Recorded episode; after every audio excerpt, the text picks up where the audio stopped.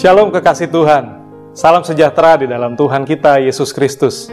Kembali hadir bersama saya dalam program On Target. Tuhan Yesus memberkati saudara. Kita mungkin pernah mendengar tentang sebuah istilah yaitu tatanan ilahi. Biasanya ketika kita mendengar istilah tersebut, maka yang ada di benak kita adalah sesuatu yang sangat surgawi.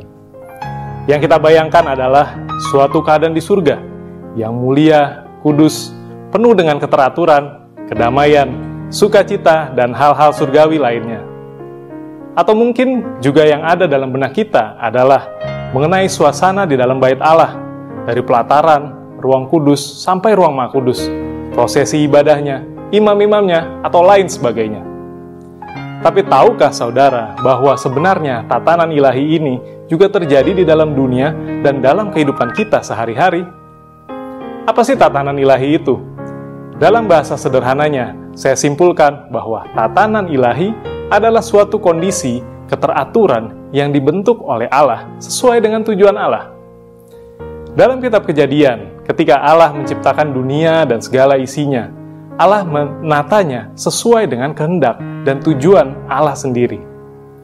Alkitab mencatat bahwa Allah melihat semuanya itu baik. Artinya adalah kondisi yang diinginkan Allah itu terpenuhi. Bahkan ketika Allah menciptakan manusia, pernikahan atau keluarga yang pertama, yaitu antara laki-laki dan perempuan, dan Allah melihat semua ini baik.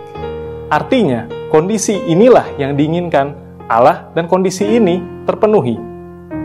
Namun tatanan ilahi itu menjadi rusak ketika kondisi yang sudah ditentukan oleh Allah kemudian malah dirusak oleh manusia, yaitu karena dosa.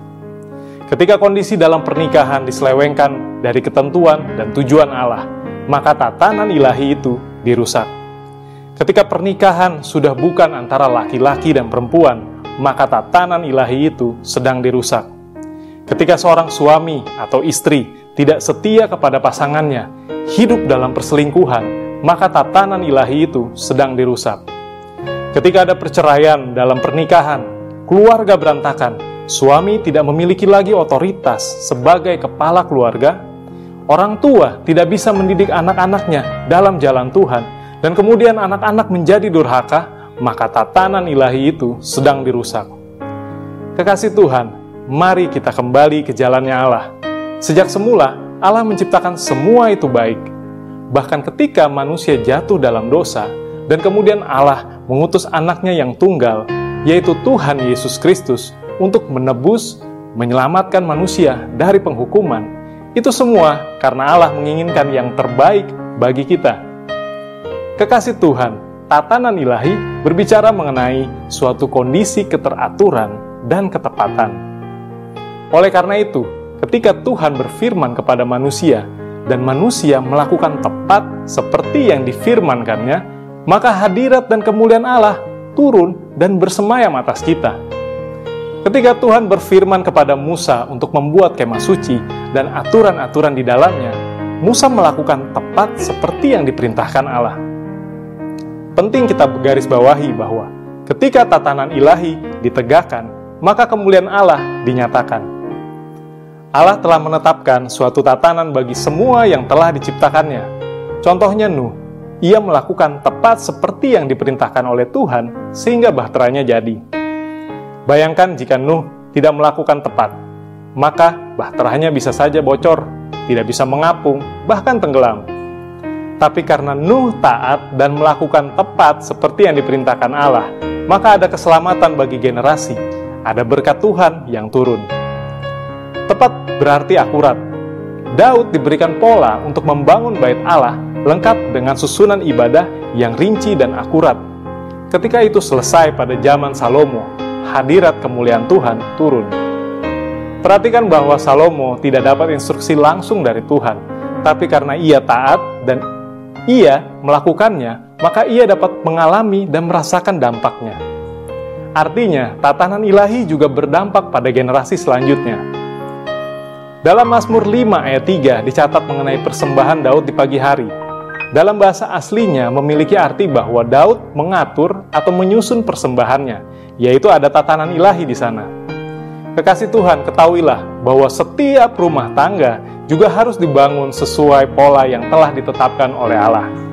Mazmur 127 ayat 1 berkata, Jika bukan Tuhan yang membangun rumah, maka sia-sialah orang yang membangunnya.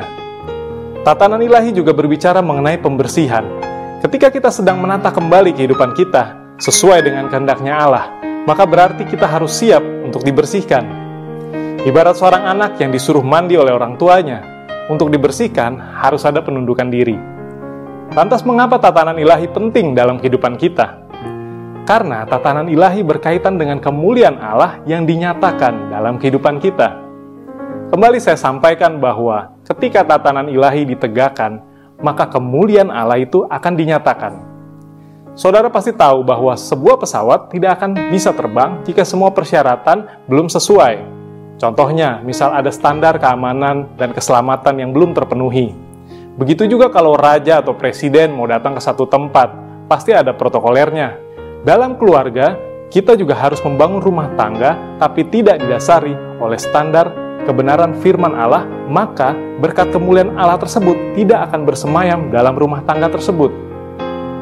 Oleh karena itu, jika ada rumah tangga yang dibangun dengan dasar kebohongan, perbedaan keyakinan, kecemaran, masa lalu yang belum dibereskan. Mari segera bereskan. Tata kembali rumah tanggamu. Segera bertobat.